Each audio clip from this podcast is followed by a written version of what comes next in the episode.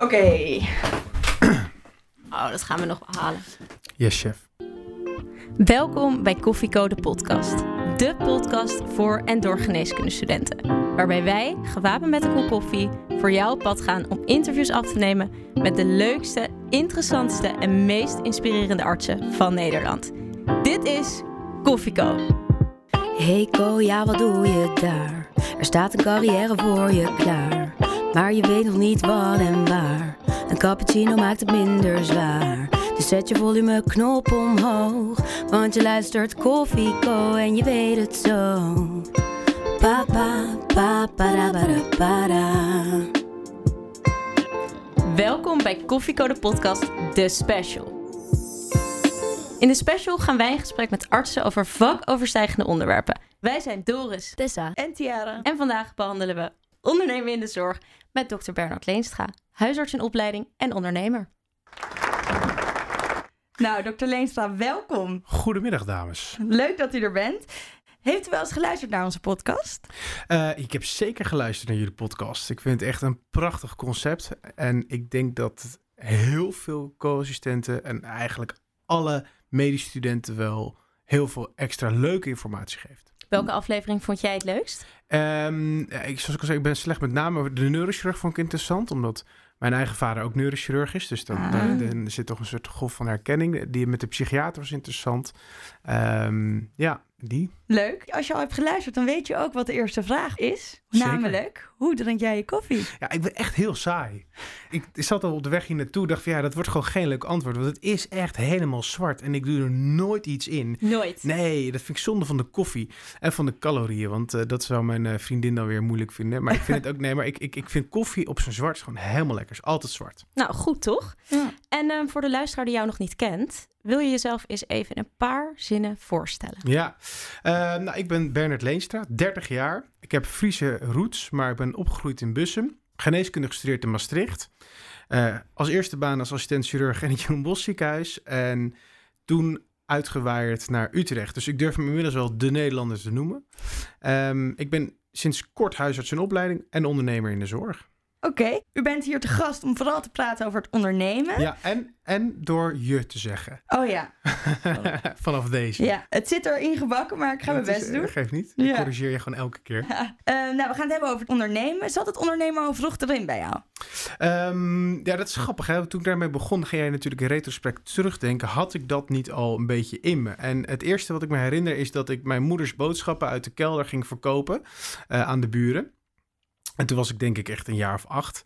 En later heb ik nog een, eh, een eigen studentencasino gehad in mijn, eh, in mijn studententijd. Dat was ook echt prachtig. Dat was ook al echt een stukje ondernemen. Verdiende je daar dan eh, geld mee met het casino? Ja, maar dat was echt heel erg weinig. God, dan had je dan de boekenleesclub en die wilde dan een grote feestje. En dan en wilden ze een soort spelelementen en dat deden wij dan met blackjack. Het was een soort casino en show, zo moet je Ja. het zien. Ben je dan eigenlijk een beetje money-minded? Nee, dat zou ik, dat, nee, dat denk ik niet. Ehm, ik kom uit, eh, sowieso kom ik uit een ontzettend eh, eh, sociaal links eh, nest.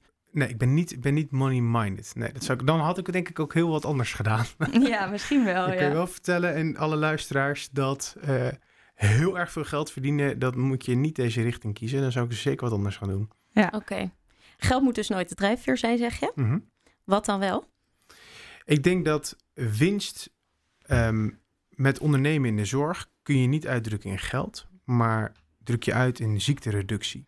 Dus ondernemen in de zorg is denk ik ontzettend waardevol en ontzettend nuttig. En het heeft misschien een beetje een slecht imago gekregen door de big pharma hè, en alles met de farmaceutische industrie. En ik denk ook zeker dat daar eh, dat niet alles helemaal jovel is wat daar gebeurt.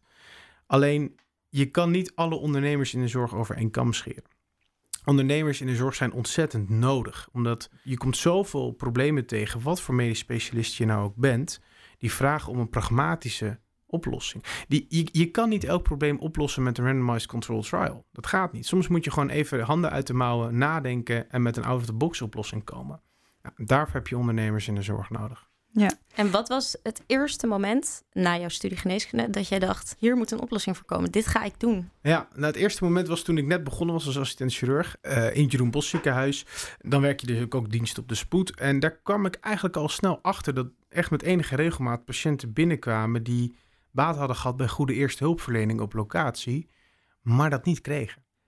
En als jonge dokter in eerste instantie weet je, alles valt op. Alles is nieuw, alles is bijzonder. En je denkt, ook oh, zo zal het wel zijn en zo hoort het. Maar op een gegeven moment gaat dat opvallen, als je maar lang genoeg dokter bent, over in frustratie. En dan heb ik het even over die hè, gebrek aan eerste hulpverlening. En toen dacht ik, dat is toch wel raar. Daar zouden we eens iets, iets mee moeten doen. En daar is denk ik mijn eerste onderneming begonnen. En dat is uh, Schok en Pomp. Eén van de ondernemingen die je op dit moment hebt. Ja. Ja. En wil je wat meer vertellen over Schok en Pomp? Ja, wil ik zeker. Eigenlijk in, in het verlengde van wat ik net zei, is dat je. ik dacht, hoe, hoe kan het nou dat zo weinig Nederlanders kennis hebben van EHBO of over EHBO? En eigenlijk was het een soort NS1, want ja, dat is wat ik meemaakte. Dat is wat ik hoor van collega's die bij mij op de spoed werkten. Maar NS1? Ja, dus sorry. Hè, dus, dus dat ik alleen ben en dat ik de enige ben die denkt dat, het, dat dit een probleem is. Maar is dat zo? Is er sprake van een probleem? En toen ben ik een beetje gaan onderzoeken van hoe, hoe, doen we het nou in Nederland en hoe doen we het nou als we het vergelijken met landen om ons heen. En als je kijkt naar landen om ons heen, zoals uh, de Scandinavische landen, dus Zweden, Noorwegen, Duitsland, dan zijn de percentages mensen die een EHBO-cursus hebben gevolgd in de afgelopen vijf jaar ontzettend hoog. Het laagste percentage is 32% in Zweden, terwijl in Duitsland het richting de 80% gaat zelfs. Hebben jullie, hebben jullie enig idee wat het in Nederland is? Hmm, zou ik een hoeveel, hoeveel mensen doen? denken dat jullie die een. Uh... Ik denk dat uh, dit bedrijfsmatig af en toe wordt uh, verplicht. Ik denk dat wel hmm, 35% van de Nederlanders een EHBO-cursus ooit heeft gedaan. Ja, dat zou mooi zijn. Um, maar het is helaas, de, de, werkelijkheid is wat weer barstiger. Het is, het is nu 17%. En okay. dat is al veel beter dan dat het was, maar het is nog steeds te laag. Ja. En toen dacht ik, daar ga ik wat aan doen. Ik ga eens kijken, wat kan ik nou voor zorgen dat we dat dat we die percentages omhoog krijgen. En één ding moeten we ook goed realiseren. Wat is nou de reden dat het in de Scandinavische landen zo goed is en dat het in uh, Duitsland zo goed is? Dat komt omdat ze daar bijvoorbeeld EHBO-onderwijs verplichten um, op middelbare scholen. Het komt omdat, ze daar, omdat daar verplicht is om een EHBO-cursus te volgen als je je rijbewijs wil halen. En in Nederland hebben wij niks van dat alles. In Nederland moeten we het hebben van de intrinsieke motivatie van de Nederlander. En dat ben ik maar eens gaan uitzoeken. Hoe zit het met die intrinsieke motivatie van de Nederlander? En als ik vrienden en familie vroeg van... Goh, hebben jullie wel eens een EHBO-cursus gevolgd? Dan kreeg ik eigenlijk een beetje dezelfde categorie antwoorden. Te suf, te saai en te duur. Daar zit wel wat in, hè? Want als je een EHBO-cursus moet volgen die 150 euro kost... en die drie of vier avonden duurt, vier uur lang... Ja, ik bedoel, er moet ook nog Netflix gekeken worden. En er moet ook nog, weet je... De, de Nederlander heeft er gewoon wat minder zin in. Plus, 150 euro is ontzettend veel geld. Ja. Dus daarom ben ik, dacht ik, ga met schok en pomp ga ik dat anders doen. En hoe is schok en pomp dan anders? Schok en pomp is denk ik echt anders eh, om heel veel verschillende redenen. Natuurlijk in de kern leren we levensreddend handelen. Daar zit een vergelijking in. Um, maar dat betekent ook dat we aspecten weglaten. Aspecten waarvan wij denken dat ze niet per se doelmatig zijn. En dan moet je denken aan het aanleggen van die mitella... of het uh, plakken van een pleister of het doorprikken van een blaar. Nee, we hebben echt gekeken naar die aandoeningen... waar een leek met slechts een paar handen het verschil kan maken tussen leven of dood. En dat is denk ik wel echt wat schok en pomp, schok en pomp maakt. Plus, we hebben geen winstoogmerk. Dus we kunnen het voor 59 euro aanbieden. Dat is nog steeds veel geld, maar zo'n bedrijf runnen kost ook veel geld. Ja. Um, maar daardoor hopen we wel de kapper, de tuinman, de postbode ja, naar onze cursus te trekken. Want dat zijn de mensen op straat. Dat zijn de mensen die het ook wel leren. En hoe is het dan minder suf? Lijkt me wel een uitdaging om dat voor elkaar te krijgen. Ja, dat is minder. dat is. Nou, dan ga ik over mijn eigen cursus oordelen. Maar ik denk dat het. Uh, laat ik even vooropstellen. Het is niet dat ik nou de bestaande cursussen wil bashen. Dat vind ik echt onzin. Het Rode Kruis, het Oranje Kruis. Hartstikke goed werk. Hartstikke goede cursus. Perfect. Ga je alsjeblieft inschrijven. Het zou mij echt waar. Uh, niet veel uitmaken of je nou bij ons de cursus komt volgen. of dat je dat bij het Oranje of het Rode Kruis doet. als je maar een cursus volgt. Dus dat even vooropgesteld ik denk dat wat Schok en Pomp probeert om het iets meer jeu te geven, is in ieder geval dat we een jonge arts als docent gebruiken. Een arts die een beetje kan putten uit ervaring tijdens de kooschappen of wat hij of zij heeft meegemaakt op de spoedeisende hulp. Dat is toch wat anders dan de gemiddelde leeftijd of gemiddelde EHBO-instructeur van een van de kruisen. Um, nogmaals, niet slechter, maar anders. En we hopen daarmee een andere groep te trekken die zich normaal gesproken niet zo snel opgeeft. Voor de Precies, ja. Voordat het een uh, reclamepraatje wordt voor Schok en Pomp. wat je goed afgaat, moet ik zeggen. Um, je bent dit gestart omdat je een visie had. Maar waarom ben jij er goed in? Wat zijn eigenschappen in jouw karakter waarom jij dit kan? Um, een van de belangrijkste eigenschappen is dat ik niet perfectionistisch ben. En het klinkt een beetje raar. Waarom begin je nou met de belangrijkste eigenschap die, uh, die iets negatiefs is, namelijk iets niet zijn? Perfectionisme had mij, had mij denk ik al heel veel gekost. Want het is namelijk echt keihard werken. Het is keihard doorzetten. Het is plan A proberen, terwijl het niet lukt. Doorgaan naar plan B, dan lukt plan B niet en dan ga je plan C doen. En dat is een soort mentaal dingetje, daar moet je tegen kunnen. Dat is één. Twee, ik denk dat um, ik wel een vrij open karakter heb en ik kan goed luisteren. Dus ik praat veel, nu ook. ik praat snel.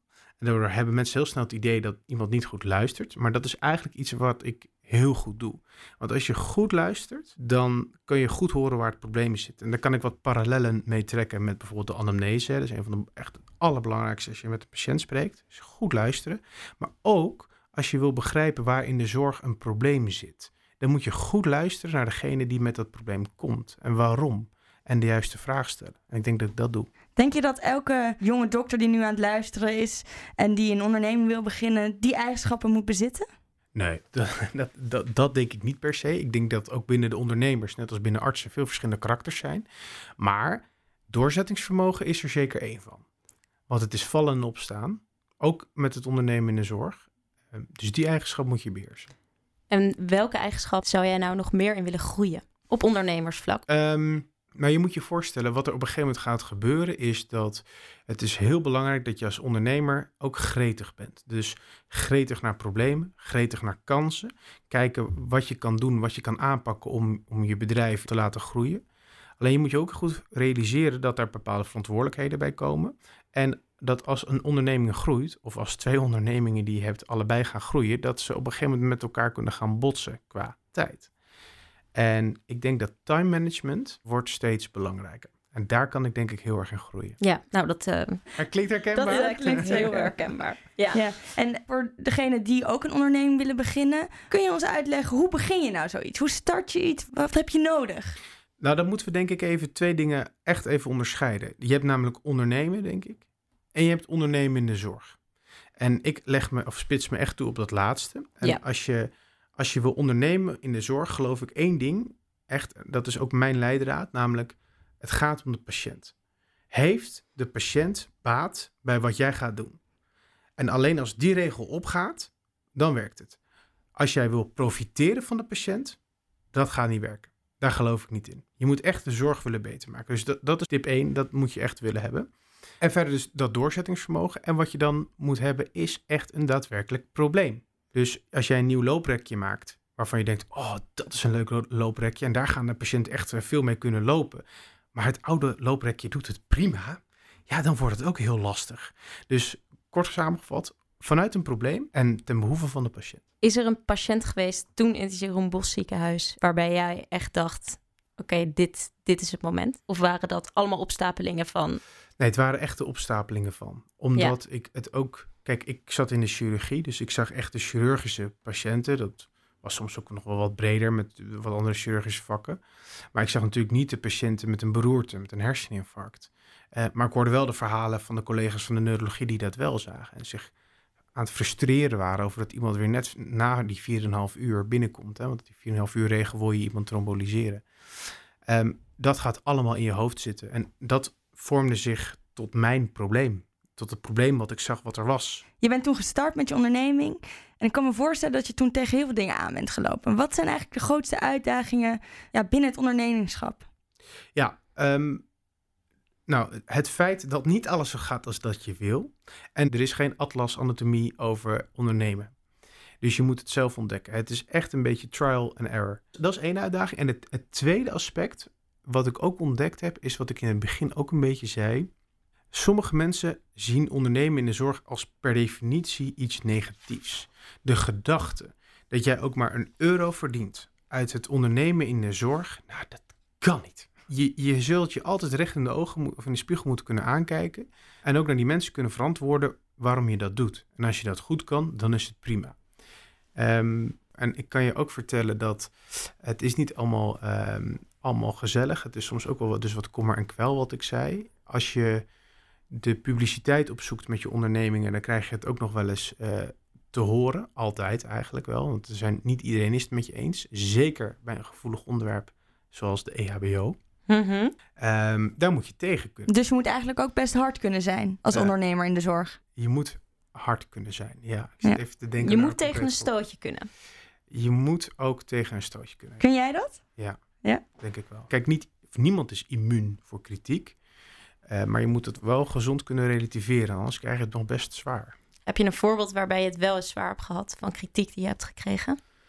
Ehm, nou, echt zwaar viel wel mee. Want ik, ik sta best wel sterk in mijn schoenen. Maar ik heb er wel heel erg over nagedacht. Ik heb, ik heb eh, een keer met Schok en Pomp opgetreden bij, eh, bij SBSS. En bij de live show. Met eigenlijk het wederzijdse idee om, om in dit geval EHBO. En waar ook bij reanimatie onder de aandacht te brengen. Want dat is echt een missie van Schok en met dat soort zaken kom ik ook graag op tv.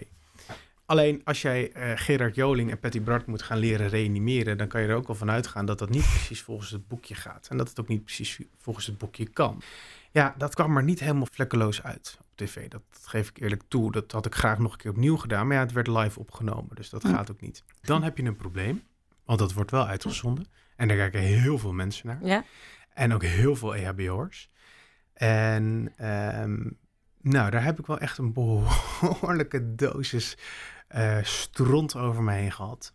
Eh, omdat ik niet de perfecte reanimatie uitvoerde. Dat, dat was wel even een reality check van oké, let wel, dit gaat het worden. Dat heb ik ook gehad. Ik ben vaak geweest in Na het Nieuws, een programma van BNN Vara. En daar heb ik het ook gehad over de vaccinaties. En dat ik vind dat iedereen zich moet laten vaccineren. Nou, we hebben een antivaccinatiegroep in Nederland. En die laat ook wel van zich gelden. Ja. Daar moet je tegen kunnen. Ja, dus toch echt wel hard kunnen zijn, als ik Ja. het zo hoor. Ja. En u bent dus ook HAJO, huisarts in opleiding. Ja, Klopt dat? ja net hoor. Ja, net. En hoe is dat dan om dat te kunnen combineren? Dus arts zijn en ondernemer. Dat is een uitdaging eh, ook. Ehm, je, daar kom je weer op het stukje time management. Je moet, je moet het goed indelen. En ik ga ook de huisartsopleiding part-time doen. eh, zodat ik echt goed tijd heb voor mijn ondernemingen. En daarbij speelt ook dat het echt belangrijk is dat de zaken die jij kan uitbesteden, moet je uitbesteden. Dus eerst gaf ik elke cursus zelf. Nou, op een gegeven moment moet je natuurlijk een andere arts in dienst nemen die dat doet. En eerst deed ik het rooster zelf. En op een gegeven moment neem je een dienst die het rooster kan maken. En zo, je moet tijd kopen voor jezelf. Want, begrijp me niet verkeerd, de huisartsopleiding is mijn nummer één. Hè, ik bedoel, ik wil een goede huisarts worden. En dat, daar, daar moet nou, niet alles voor wijken, maar wel veel. Ja. Ehm, dus ja, dat, dat is Ben je liever arts of ondernemer? zo. Eerlijk. Dat vind ik echt een hele moeilijke vraag, weet je dat? Daarom stel ik hem ook. Ja, een hele goede vraag. Nou, Ehm, daarnet moest alles nog wijken voor... eh, Ja, nee, dat klopt. Alleen eh, dat is voor de opleiding. En ik denk niet dat ik mijn hele leven arts blijf. Ehm, wel een tijd, maar ik denk dat ik op een gegeven moment de overstap maak naar alleen maar ondernemen in de zorg. Oké, als ik hem anders stel. De Nee, vraag ik anders ga hem wel stel. beantwoorden Ja? voor je. Ja, dan zou ik nu kiezen voor arts. Oké, Maar ja, als je diezelfde vraag over tien jaar stelt, dan is het ondernemer, denk ik. duidelijk. Ehm, waar droom je van over tien jaar?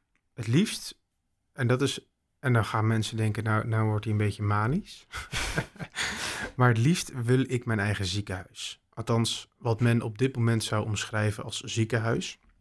Ehm, maar ik heb een visie. Ik heb een idee dat we de zorg anders moeten gaan indelen om hem echt toekomstbestendig te maken. En het is voor mij een hele grote hobby om daarover na te denken. En ik ben op dit moment eigenlijk alles wat ik doe, de ondernemingen, huisartsopleiding. Nou, ik ben ook nog eventjes kort jullie docent geweest ja. voor de opleiding geneeskunde. Al die facetten, alles wat ik daarin meekrijg, ook als wetenschapper, ik ben nog promovendus, moet ik ook nog bij zeggen. Al die facetten die wil ik combineren straks, om daarmee mijn eigen kliniek te hebben. Een Ja. kliniek voor de zorg die het hardst nodig is op dat moment. Ben je eigenlijk toch de verkeerde studie gaan doen? Je hebt hier speciale studies voor, hè? Ja, is dat zo? Ja. Denk je, eh, nou goed, ik mag het interview natuurlijk nooit te veel kritische vragen stellen, maar ik ga hem toch doen. Ja. Denk je dat een, een, iemand die gezondheidswetenschappen heeft gestudeerd beter een ziekenhuis zou kunnen runnen dan een arts? Eh, hele suggestieve vraag, moet ik zeggen. maar ehm, ik denk dat een deel van ervaring in het ziekenhuis van, eh, van grote meerwaarde is. Dus iemand moet dan die studie doen en ook nog eh, ervaring opdoen in het ziekenhuis. Dan denk ik dat je het beste voorbereidt. gezondheidswetenschappers die nu luisteren en eh, boos zijn. Je kunt reageren op onze Instagram en Facebook. Laat weten wat je hier nou van vindt. Heel goed. Het is natuurlijk een beetje een flauwe vraag. Natuurlijk is het antwoord beide. Alleen, ehm, ik denk dat je van beide walletjes wat gegeten moet hebben om het echt goed te kunnen doen. Nee, precies. Ehm, je bent HAJO nu, Ja. huisarts in opleiding. Ja. Ja. ja, officieel echt nogmaals net aangenomen hoor. Dus Hoe lang dan? Eh, nou, officieel pas start ik met de eerste jaar in september. En heb ik nu alleen maar de introductie gehad. Dus ik ben echt net huisarts. af. Oh, kijk eens aan. Ja, Maar wat wel interessant is, je Mhm. hebt wel de selectieprocedure gehad. Zeker. ja. Ja, en je moet lachen. Waarom? De selectieprocedure van de huisartsgeneeskunde, daar zou ik ook nog wel eens wat langer over willen nadenken. Eh, in die zin dat hij me wel een beetje verrast heeft. Eh, en hij is bijzonder te noemen. Ehm, Positief of negatief? nou, in het midden. Het is heel lastig. Kijk, de huisarts is denk ik geen specialisme waar zo'n divers karakter, eh, of zoveel diverse karakters zitten. Dus hoe ga je daar nou op selecteren? Ehm, ik denk dat ik niet het doorsneeprofiel heb van iedereen die daar komt solliciteren. Dus dan, dan, hè, dan val je een beetje buiten het gemiddelde en dat valt een beetje op. Ehm, En dat is goed. en dat, is, dat, is, dat kan niet anders. Eh, maar dat, en dat is oké. En gelukkig hebben ze desondanks dat ze moeten echt wel gedacht hebben: wat is dit voor iemand tegenover mij? Ehm, desondanks ben ik toch nog aangenomen, dus het, het, Ja. is, het is goed. Nee, het is een prima selectieprocedure. Het is wel tussen pittig nog. Je moet een toets maken, een soort VGT, hè? Ehm, VGT, voortgangstoets. voortgangstoets. Ehm, en, en daar dan voor de huisartsgeneeskunde. En dan, dan komt er nog een, eh, een heel gesprek. En uiteraard heb je natuurlijk de eerste ronde, maar dit is puur op uiterlijk, dus dat was geen probleem. Ben je een beetje ijdel? Nee, absoluut niet. Nee? Nee hoor. Oké. Want eigenlijk Ja. wilde je eerst chirurgie doen. Is er uiterlijk daar ook belangrijk? Eh, nee, ik denk dat uiterlijk daar niet belangrijk is. Daar zijn andere aspecten weer belangrijk. Vertel. Ik denk dat het, eh, als je chirurg wil worden, wat overigens een prachtig vak is, inderdaad, ik wilde het zelf, eh, in eerste instantie dacht ik ook dat ik dat wilde. Ehm, als chirurg moet je één ding realiseren, dat dat is een bestaan. Dus als jij ambities hebt om daar iets naast te doen, dat is best een uitdaging. Nou, dan zullen de mensen die misschien dit beluisteren en al chirurg zijn, denken, ja, dat is helemaal niet waar, want ik heb nog een ehm, eigen pepermuntfabriek ernaast. Ja, als je eenmaal chirurg bent en je hebt een mooie plek verworven in een maatschap, bijvoorbeeld, ja, zeker, dan zijn er wel mogelijkheden. Maar jullie weten ook, en denk de meeste luisteraars ook, om daar te komen ben je zeker al gauw acht tot tien jaar verder. Dus dan daarnaast in die acht tot tien jaar is het heel lastig om een bedrijf op te zetten, bijvoorbeeld. Dus je moet, je moet het bestaan aan kunnen. En verder is het een prachtig vak. Want het allerliefst was je chirurg geworden.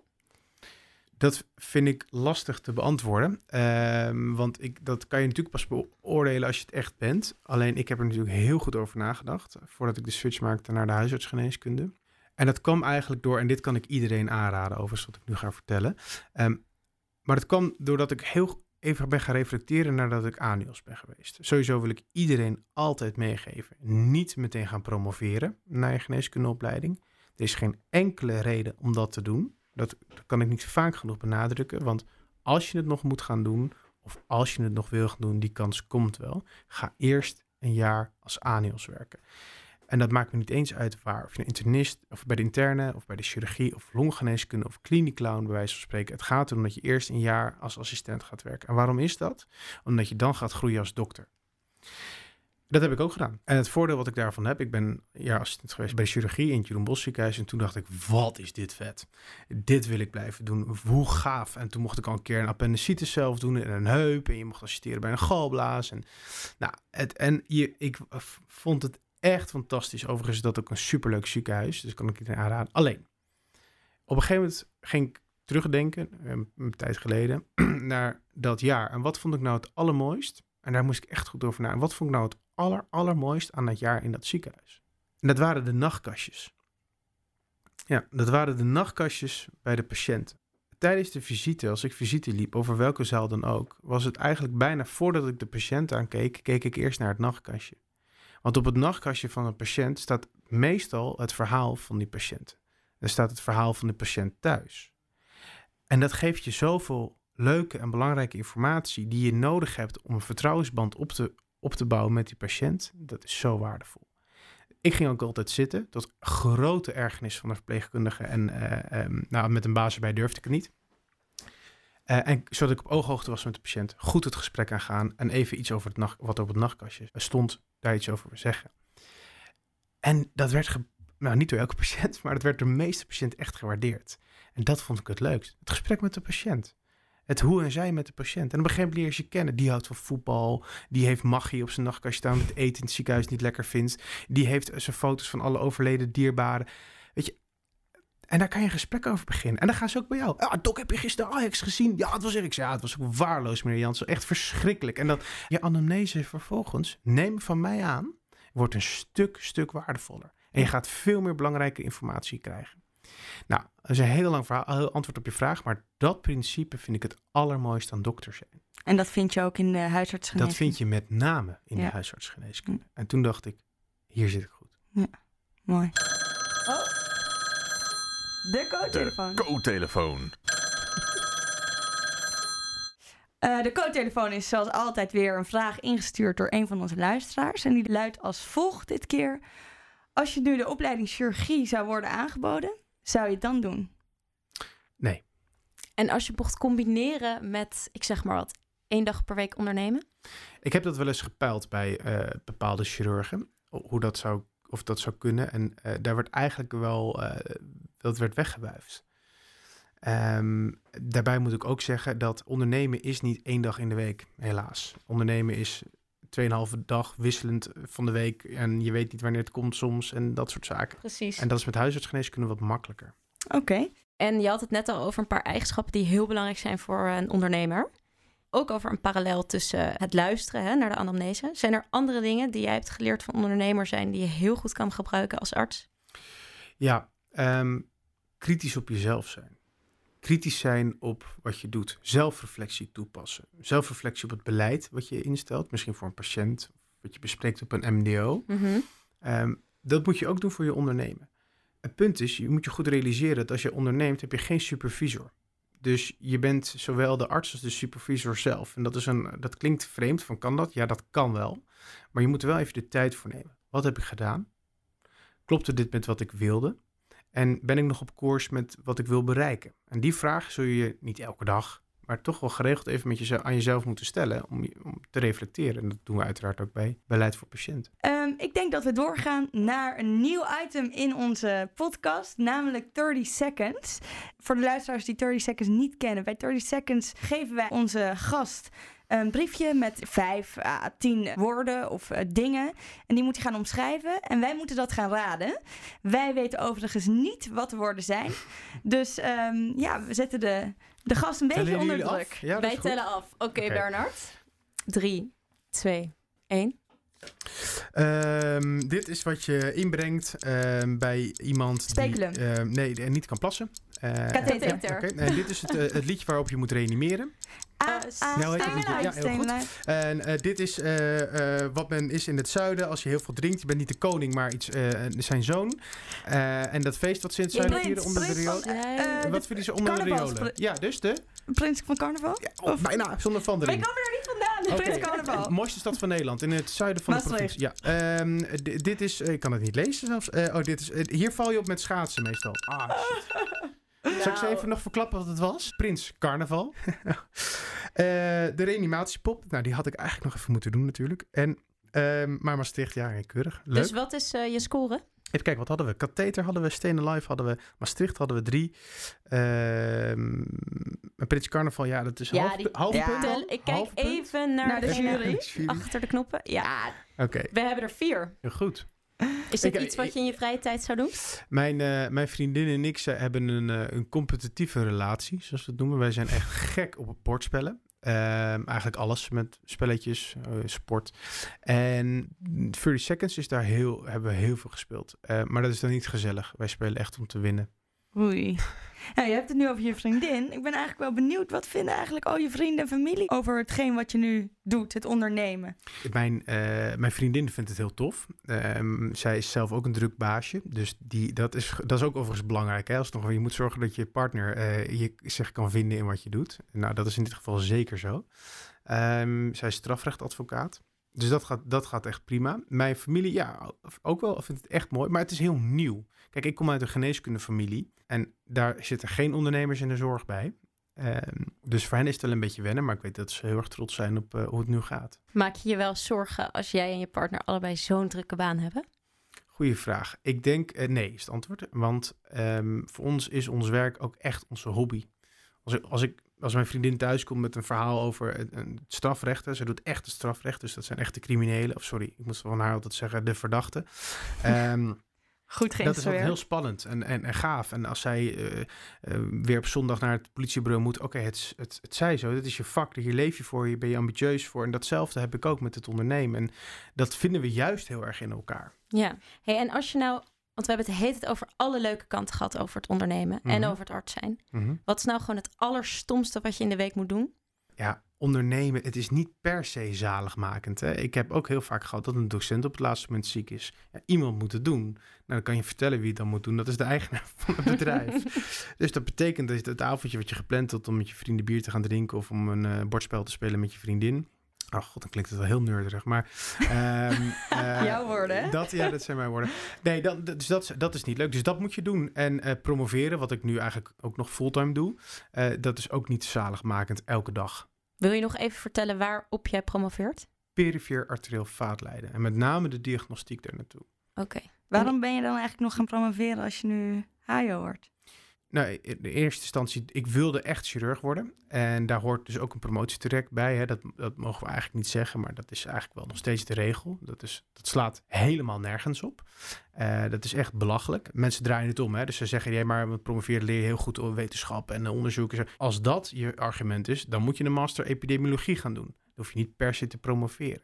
Maar wat het promoveren wel brengt, is dat jij een design van onderzoek kan doen. Dat jij mee kan denken over iets wat we nog niet hebben en dat je daar een heel plan voor kan opstellen. En daarin zie je ook wel eens een parallel met het ondernemen. En dat is wel mooi. Alleen heel belangrijk, het moet echt komen vanuit een intrinsieke motivatie om te promoveren. Maar is dat bij jou wel zo? Nou, dat was in eerste instantie, eh, eh, was dat er altijd wel een beetje. Maar heel eerlijk, ik deed het ook om in opleiding te komen. Ja. En ik durf wel te zeggen dat een significant deel van onze promovendi dat doen om in opleiding te komen. Dat is overigens ook geen geheim. Ehm, dus dat speelt wel mee. Is je intrinsieke motivatie dan nu niet een beetje afgenomen? Sterker nog, die is in de laatste, eh, sterker nog, dit is mijn laatste maand eh, promoveren. Oh. Die is in het laatste half jaar alleen maar toegenomen. En nogmaals, in de regen fietsen naar je computer om de hele dag achter SPSS te zitten, is geen feest. Alleen nu is het toetje. Want nu schrijf ik mijn artikelen op. Nu kom ik met mijn conclusies. En nu mag ik in mijn proefschrift, as we speak, ben ik aan het schrijven over welke kant ik denk dat we op moeten gaan. Nou, dat is een cadeautje. Alleen dat is het wel het laatste snoepje van je promotietraject. Maar inderdaad, SPSS gaat in de prullenbak van mijn computer. En dan gooi ik ook nog de prullenbak weg. eh, Om echt er helemaal vanaf te zijn. En schok en pomp, mag ik het zo zeggen dat dat nu jouw, jouw pareltje is? Of heb je andere ondernemingen waar je nog even graag toch wat over wil vertellen? Nou, ik hoef echt geen reclame te maken. Hoor. Daar ging het me, dat meen ik oprecht. Daar gaat het me echt niet om. Nee, dat weet ik. Schok en Pomp is mijn, is mijn kindje. En ik geloof dat de missie met wat we nu doen, hè, met de petitie eh, voor het onderwijs, en dat die- is uitgebreid in, in het nieuws geweest, dat was eigenlijk al vanaf meet af aan een van mijn grootste doelen wat ik wilde bereiken. En dat is nu gelukt. En nu nog de politiek zover krijgen. En daar begint het wel wat op te lijken als primeur vast, kan ik je vertellen. Positieve geluiden vanuit de Tweede Kamer. Ja, maar als dat lukt, dames, ja, dan is mijn doel bereikt. Zou je het ooit dat? verkopen dan? Hey, schok en pomp is niks waard. Dan moet je flinke winst gaan maken. Oké, En, en dat, dat gaan we niet doen. Oké, duidelijk. Eh, je had het net al een beetje over tv. Ik ben eigenlijk wel benieuwd wat je allemaal op tv hebt gedaan en of je daar nog meer in wil gaan doen. Nou, ik heb denk ik voor een dokter wel redelijk wat veel op tv gedaan. Ehm, ik denk mijn belangrijkste rol, die ik ook echt het allerleukst vond, was eh, duider eh, geneeskunde en zorg bij BNN Vara voor het programma eh, Na het Nieuws. Om geneeskundestof die in het nieuws kwam even in Jip Janneke taal of op jeugdjournaal niveau uit te leggen aan een breder publiek. En ik merk dat ik dat echt ontzettend leuk vind. Echt heel erg leuk. En is dokter Bernard op tv dezelfde dokter als dokter Bernard in de huisartsspreekkamer? Of stel je je dan toch anders op? Hele goede vraag. ja, je stelt je een beetje anders op. Ehm, het is simpelweg niet. Kijk, in de kern ben je natuurlijk altijd hetzelfde. Alleen je bent ook echt wat anders tegen de ene patiënt dan tegen de andere. De ene patiënt vraagt ook wat andere eh, aanpak dan de andere. Ehm, dus daar wissel je in. En dat is op tv ook. En in tv gaat ontzettend snel. Het, het, soms denk je programma, lijkt het dat het langzaam gaat, maar je krijgt maar een paar minuten de tijd om je verhaal te vertellen. En daar moet je echt wel heel goed op anticiperen. In de spreekkamer zou ik liever soms wat langer de tijd daarvoor nemen. Maar in de spreekkamer heb je ook vaak maar 10 minuten. Ja, maar dat is al een stuk langer dan dat je... Eh, Time de spreektijd maar eens van iemand die op tv is. Dat is best lastig. Ehm, en ja, dus je hebt in de spreekkamer ook maar 10 minuten. Maar aan de andere kant, daar zullen we ook maar eens over moeten nadenken... of we dat zo moeten blijven doen. In jouw eh, droomziekenhuis gaat dat anders. Met zo'n ziekenhuis. Het wordt niet zo'n IKEA-ziekenhuis zoals we nu in Nederland hebben... waar je alles maar kan. Het wordt meer een soort kliniek. Ik zou denk dat het beter is om het zo te noemen. Veel meer fluïde. En daarmee bedoel ik, het gaat niet om het pand waar iedereen is. Je moet om meteen een soort 2.0 denken. Ik wil eigenlijk dat zoveel mogelijk patiënten van mijn kliniek wegblijven. Want de vraag is of ze thuis niet de zorg kunnen krijgen. Dus het wordt ook wel een technologische uitdaging als ik het zo hoor. Enorm. Ik denk dat we nog uren door zouden kunnen Ja. praten. Maar wij gaan naar ons volgende item. En eh, lieve luisteraars, dat is ook iets nieuws. Dat is namelijk wat als. En in wat als stellen wij diepgaande vragen om onze gasten nog beter te leren kennen. Dus, Tiara, wil jij hem eh, aftrappen? Aftrappen? Ja, tuurlijk. Ehm, wat als je voor de rest van je leven één levensmotto mocht hebben? Ehm, geef niet op. En geef niet op komt van mijn opa. Mooi. Daar ga je veel mee bereiken, neem ik Zeker. aan. Ja. hey, en eh, wat als je één eigenschap van jezelf mocht veranderen? Eh, ik zou wel wat. ehm, ik zou denk ik iets minder vergeetachtig willen zijn. En ik ben soms ook wel iets te eigenwijs. Ja? En soms zou ik denken dat ik. eh, dat zou ik iets, iets minder willen. Dat je, dat je iets meer soms de samenwerking opzoekt en accepteert als iemand het anders doet dan jij het wil. Oké. Ja, Zelfreflectie. juist. Wat als je een bekende Nederlander was? Ehm, wat als ik een bekende Nederlander eh, was, dan, Eerst wat in je opkomt. dan zou ik mijn bekendheid gebruiken ten behoeve van de samenleving. Politiek correct antwoord. Nee, dat meen ik echt. Ik ben wel eens aangesproken in een restaurant bijvoorbeeld. Hey, ben jij niet degene van tv toen of dat? Dat vind ik mega relaxed. En dat klinkt een beetje hypocriet van waar ga je in godsnaam op tv? Maar ik denk dat het hoort maar een beetje bij. Maar ik, ik probeer echt oprecht een boodschap te verkondigen. En, en de media dingen die je van mij zult zien en zult horen... zijn eigenlijk om anderen of te inspireren... of om mensen een beetje te helpen geneeskunde te begrijpen. Wat als je één object en één persoon mee mocht nemen naar een onbewoond eiland? Wat en wie zou je dan meenemen? Ja, dan, eh, het zou natuurlijk helemaal voor de hand liggen om naar je vriendin te zeggen. En dan eh, een of ander EHBO-pakket, maar dat is wel heel saai. Ja. Ja. Dus mijn antwoord zou zijn, als ik één iemand zou eh, mogen meenemen, ehm, dan zou dat denk ik Daniel Arendt zijn. Omdat ik hem echt laatst gezien heb, echt onwijs grappig vind. Ehm, alleen het zou wel heel kort duren, want ik denk dat die gast heel snel relaxed wordt. Eh, als hij met één iemand en zeker met mij op een eiland zou moeten zitten. Maar dan heb ik tenminste nog even gelachen, want ik ga toch dood. Ja, dat is ook zo. En ik zou dan meenemen dan maar eh, eh, ja, wat, wat een goed, goed fles wijn of zo. Ja? Rood of wit? Rood. Ja, ja, rood. Oké. Ja. Nou, leuk. We zijn wat meer te weten komen over op deze manier. Ehm, ik denk dat wij moeten gaan afronden. Dit was dan echt het einde van onze allereerste special van Coffee Code Podcast. Wat een eer, dames. We eindigen wel altijd met een laatste tip. Wat is de tip die jij wil geven aan onze luisteraars? Jonge dokters, co-assistenten die misschien ook wel denken... ik heb een goed idee, ik wil Ja. wat gaan doen. Het het zijn eh, eigenlijk twee korte tips. Tip 1 is echt even puur op de artsen eh, gefocust. Ik heb het net al gezegd, maar ga eerst echt je assistentschap doen. Wat de professor ook aan jou belooft. Hoe mooi de praatjes ook zijn. Ga echt eerst groeien als dokter. Dat, dat is echt, dat, dat kan ik niet vaak genoeg gebruiken. Dat moet je zeker doen.